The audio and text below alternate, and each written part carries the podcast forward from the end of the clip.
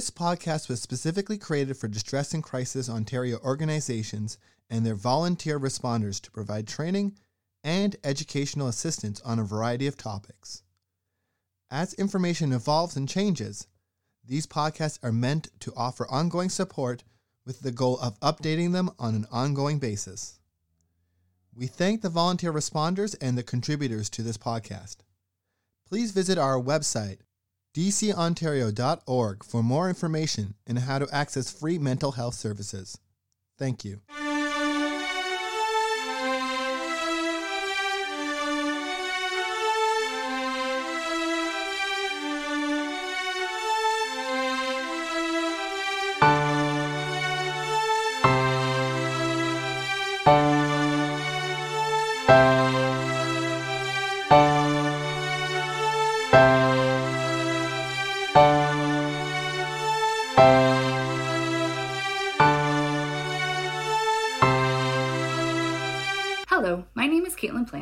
The program manager at Distress and Crisis Ontario. Thank you for listening to our podcast. Today I'm sitting down with Elma and Sharon. Elma is the intake coordinator at a busy counseling center in Waterloo, and Sharon Layler is a life coach with her own company called Vita Catalyst. They are joining me today to talk about the Government of Ontario's decision to begin lifting many COVID 19 restrictions and the impact that this has been having on many people in the community. Thank you for joining me today, ladies. Could you please begin by telling our listeners a little bit more about yourselves and the work that you do? Elma, we'll start with you. Hi, Caitlin. Well, I am the intake coordinator at a busy counseling center in Waterloo. Um, we have about 40 therapists on our team, and we offer everything, including play based therapy for children as young as three, um, art based therapy, uh, talk therapy, counsel, um, counseling for families, individuals. We do the whole gamut. And I've been with them since about 2017. And my job is to help people connect with the supports that they need and make a good match so that they can find the help that they need. Hi, I'm Sharon. Thank you for having me. Um, I so I am a life coach and I work. I do a lot of like internal coaching, really working, helping people work through what's going on presently and help them get to their next goal. So that could be, and also helping them coach within the system of whatever environment they're in. So it could be their work, it could be their family dynamics, it could just be all kinds of things. And definitely right now, at present tense, it's COVID. So um, I coach um, locally, but I also coach internationally. Hmm, awesome. Thank you again, both of you, for being here. So, as I'm sure most of our listeners know by now, the Government of Ontario has announced that many COVID 19 limitations and restrictions will be lessened or, in some cases, lifted entirely as of February 17th, 2022 which happens to be yesterday for us. Um, this means that most indoor settings where proof of vaccination is required, like restaurants, movie theaters, and gyms, will be able to operate at full capacity once again. Additionally, by March 1st, most remaining limitations and restrictions will be lifted entirely, including government mandated vaccine passports, which will instead be left to the discretion of business owners. How has this news impacted your work? Sharon, we'll let you go first this time.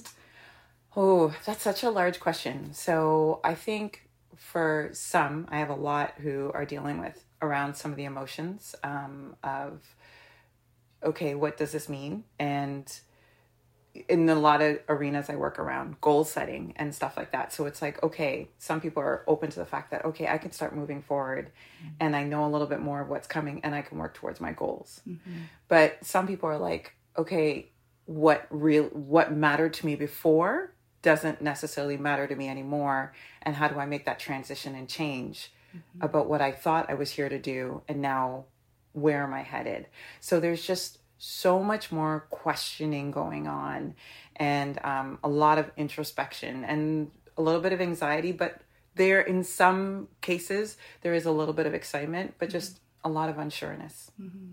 Mm-hmm. I think it's that uncertainty that people are expressing. Um, within minutes of the announcement coming out, we started getting applications for therapy. Um, clients who, you know, just closing and saying, This has just given me so much anxiety. What does it mean for my job? What does it mean for my family?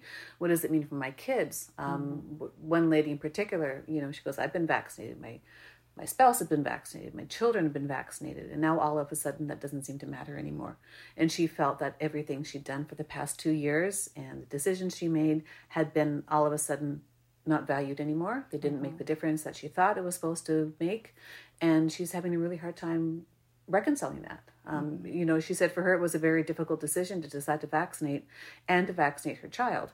And now all of a sudden that's being lifted and she's questioning if she did the right thing. And the anxiety and I think mom guilt that she seemed to be expressing was really, you know, was very real. Um, and the flip side of it, other clients coming in so happy and so relieved and so buoyant um, to the point where, um, you know, they kind of feel that they can finally go back to whatever normal might be for them. So it, it's the whole gamut, but um, quite honestly, our initial input was people just anxious. Mm-hmm. Yeah, I like how you both pointed out that there are positives and negatives that people are feeling with this news, and that everybody has some sort of feeling about it. There's nobody that's just kind of like, yeah, okay, it's another day. Everybody is either ready to be moving forward or, yeah, feels like this is just a new thing to overcome. So that kind of answers what my next question was going to be, which is kind of who seems to be struggling with these things. But I think it's safe to say that it can be anybody. So I guess I'm wondering if either one of you in the work that you've been doing and over the past couple of years, have you developed any new strategies to help calm people's anxieties about these sorts of pandemic related topics? Um, I can start off. I would say, I don't know if it's developed new strategies, but it's something that I'm just super excited about. But just helping people come up with, just coming up with some exercises and workshops to help people really get to know themselves. So my whole stance around that place of like being able to coach the person, not the situation, because that's the thing that is sure, right? And so I think um, one of the things I'm really trying to develop right now, and, and I'm working on a program as we speak, talking about okay, COVID, now what? That's not what I'm going to call it, but you know, definitely having that like there's been this huge, no matter if you were on the positive end or whatever, you know, whatever's happened, you know somebody that was impacted, and so that there's trauma there, and so we just want to really help look at what that is mm-hmm. and how can we help you move forward and what's that blueprint. And so that's one of the things that we're really trying to work on is just help people get a little bit of a refresher because sometimes there's just things you forgot how to do. Okay what does goal setting look like? Do i do it the same way? Do i move the same way? How um, do are my goals still relevant pre-covid to now afterwards? And so those are the kind of exercises that i'm working on right now. No, that's that's actually pretty exciting stuff. Um, it's the same thing. Um, you know, referring people to yeah, relaxation techniques, anxiety, talk therapy, art, all the different therapies that are out there that they're aware of. But also, I think Sharon, you were touching on that a little bit sooner. People are coming out of the pandemic different from how they went in. What mattered to them before is changed. Um, some people, like, well, we've, we've seen this whole thing of people leaving their careers and, and just they've questioned everything. Um, you know, so moving forward into that, a lot of relationships have been fractured. Um, people have drawn hard lines around the, the around vaccines, and we can see what's happening in Ottawa right now. Some people like their major thing coming out of COVID is not about how do I adjust about COVID, but how do we repair relationships. You know, so we've got to send them to some good resources. Um, for some people, that includes the life coaching and the professional therapy. You know, other people, you know, get some good books, get some good relaxation techniques, contact the distress centers. Um, but they're everything has shifted a little bit and we went from flattening the curve because i think that's the, the you know two weeks or one month to flatten the curve that we've been riding a roller coaster for two years. Uh, and the roller coaster ride was not optional. You know you couldn't everybody was on the same roller coaster. And now it's time to get off and people are some are coming off the ride pretty excited and some are really not. Um, and we've got to meet people where they're at and be respectful of that and just help them. Um, and i think we just need to talk about it Yeah. I think a phrase that we have heard overly much is how do we get back to normal or the new normal? And I think that people can get hung up on that and it's fair to just start over. And it's fair to figure out what that looks like and what that's going to look like for you compared to, yeah, even your spouse might be very different. Um, but yeah, I really like both of those.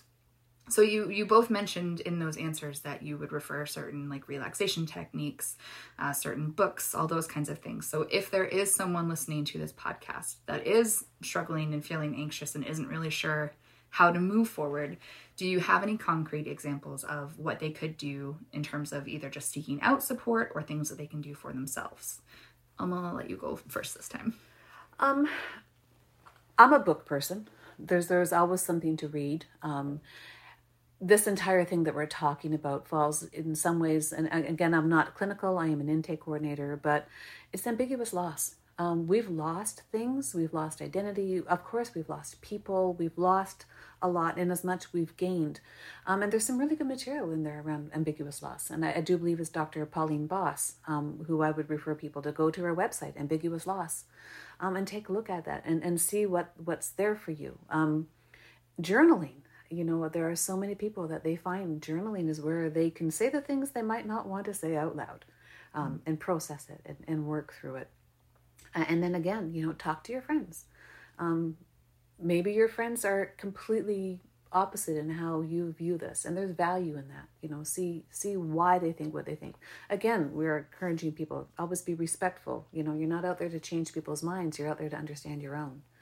Uh, and you know to come to terms with what you're feeling for yourself um, might be very different for what other people are feeling but just doing the process um, don't pretend that nothing's bothering you it's okay to be anxious about this. It's okay to be concerned. It's okay. We, we all have more questions than we have answers, and that's okay. Mm-hmm. Um, and we all have to struggle with that being comfortable with not knowing the answers. Um, and then in the end, if you know you're coming up against a wall, find the professional help. Um, you know, go to the online resources, call the local agencies. You know, work with what's real for your budget. But there are people out there that can help you. Mm-hmm. So basically, everything Elma just said, like, totally works. But I would agree. And I think, in addition to that, just a little bit of what I would say is to people, and I've, I've had a few clients with this week where we've had to have that conversation that they're just not reacting well. And and I want to point out too that this is just not just a local thing. This is not just a Canada thing. The client I had was in Amsterdam, mm. and they were having their own concerns about what's going, different things that are going on there. So I think it's important for us to keep that in mind. But what I would say is, some there's another component is when you're looking for support. Sometimes it's about maybe what you need to cut out. Mm-hmm. Maybe you need to silence social media for a minute yeah. Is this something I've said? Just an exercise. Can you come away from social media for 30 minutes? Or just also going, sitting with yourself, being with yourself, and saying what stays and what goes. Mm-hmm. And that's okay. And then also, sometimes you can't see all the way down. And even though I work with goal setting and stuff like that, I work a lot with the in between. Mm-hmm. So, what's in front of you to do next? Yeah. Right? What's that next step. Mm-hmm. And so, because if you're thinking about, oh, well, it's this restaurant, what's next and what are you comfortable with? Take your time. Mm-hmm. This took two years. This is not going to be fixed instantly. Yeah. Give yourself some time. And I think to build on that as well, what's next doesn't have to mean what's next a week from now, a month from now. It can be what's next five minutes from now. Mm-hmm. Like if you need to break it down into pieces that small to get through the day, do that and don't feel guilty for that if that's how you need to do it. Um, I think, too, just another thing that I would kind of highlight being in, yeah, more of the distress line of things is if you are feeling anxious to the point of having anxiety attacks or panic attacks or these feelings of just overwhelming fear, especially if it's something that you've never experienced before, I would take the time to practice some grounding techniques, some breathing exercises, um, there's one really good exercise called the five senses exercise, where you're going to literally just take a minute to stop. You're going to look around and you're going to do five, four, three, two, one things that you can see, touch, smell, hear, and taste. And it just gives you that minute to step out of the big feelings that you're having and take stock of just your body and your physical presence and really pull yourself out of your head so that then you can say, okay, what is something that I can do in the next five minutes to move forward instead of worrying about these big, big, big things?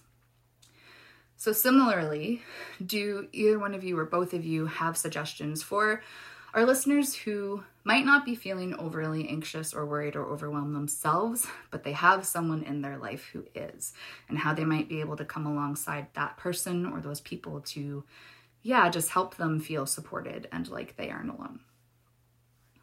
First of all, be kind. Um, be kind, be kind, be kind. Um, everybody's different. Everyone's going to process this differently. Um, be supportive. Um, even even though you're not experiencing those same feelings, um, for them, their anxiety is very real. Uh, their fears are very real. Um, don't argue. Don't try to rationalize. Don't try to take them to different, well, this person said this or this statistic says that. Um, that's not going to change their feelings. Um, sit with them. Socially distancing, sit with them, you know, whatever they're comfortable with. So if that still means the Zoom call, then do the Zoom call, even though you'd rather sit in the room with them respect their their boundary do the zoom call or, or you know do the walk or meet them in the park. Um, but really just let them know that you care. Uh, let them know that they are not alone. And even though you might be looking at things differently um, they can count on you um, you know don't leave them to it and just run off into your your happy covid free future um, we're still in this together um, we've walked through this entire pandemic and like Sharon said, you know, it's been two years, um, and some people are going to walk through this um, differently than others, and just really be patient with them. This one is a little bit harder because I think one of the things I challenge my clients when I'm with them is about being present. Mm-hmm. So being present in the moment, like I loved that exercise that you just described because I have one that I go through with my clients about, and I do it for myself. I'm going to admit it now. Mm-hmm. Is when I'm like, if I'm sitting in the car, I don't know, just seem to get a little bit more anxious when you're in the car, mm-hmm. right? There's going to be a lot more traffic, a lot more in the malls, all those different things. But um, what I would say is, depending on where you're comfortable or whatever, but say hi, mm-hmm. right? Just you know, there's a way to smile with your eyes, mm-hmm. right? We still got masks on and all those kind of things, but be cognizant of what's going on around you. Be present in the moment. Mm-hmm. If possible, like if you are a person that you're feeling comfortable, you're doing that, and you would be amazed at how much that actually does help, mm-hmm. even if that person has their mask on, mm-hmm. right? I don't know about you, but I know there's times I'm, I'm, because I have my mask on, I'm much more like just going about and I don't really look up. Mm-hmm. But I'm like, no, these are still people. We're still standing in the line. Yeah. We can still see each other's eyes. Yeah. Right? Mm-hmm. There is a way to smile. Or if you're outside or in the, or you don't have a mask on or whatever, or you're walking and I know some people were walking and then they cross the street or they move to the other side. It's okay to say hi. It's okay to wave. Mm-hmm. So I just think start in your home. What's going on in your home? And then take it at like what's going on with your neighbors. Mm-hmm. If you're getting in your car or you're rushing out and you see your neighbor, say hi. Mm-hmm. I had a lovely uh, exchange with a lady at in the line for the post office. Um, both of us waiting patiently. Well, me perhaps not so patiently, but either way, we had to wait. And I just started chit chatting with her. And at the end, she was in front of me just before she went up to the cashier. She thanked me and she goes, You're the first person I've had a real conversation with in six weeks because she mm. lived alone and she hadn't, apart from, you know, that's four ninety nine and having to pay things. Mm. I was her first real interaction. And yeah. she had been so scared about going out. But just having this little chat with an annoyed woman in, in the line behind her who wasn't very patient, she just appreciated the exchange. And that was lovely. And that really helped me kind of go, Oh, my word you know mm-hmm. she just wanted someone to talk to um, mm-hmm. and it was lovely it was lovely and she just went forward did her thing and off she went mm-hmm. yeah. yeah thank you for that um, so before we wrap up today is there anything else that either of you would like to add that we just haven't already touched on and if not that's okay No, I, I don't think so. I, I, I really think um, it's a new ground for all of us. We don't know what to expect. Um, just because restrictions are being lifted doesn't mean that they might be reversed. And I think we need to keep cognizant of that as well um, and just keep having the discussions. Mm-hmm. Yeah, I would say that, you know, when you said just with the restrictions, you know, lifted or whatever there were some restrictions that you had on yourself. Mm. There's some self restrictions in there.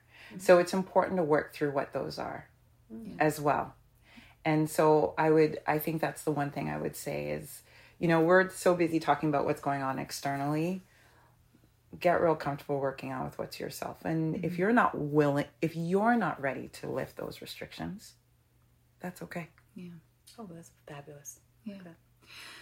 Thank you again, both of you, for joining me today. This has been a wonderful conversation. Um, and thank you to our listeners for listening. Uh, I hope that everyone has a wonderful week and that, yeah, no matter how you're feeling about this, that the suggestions that we've given today can be helpful for you.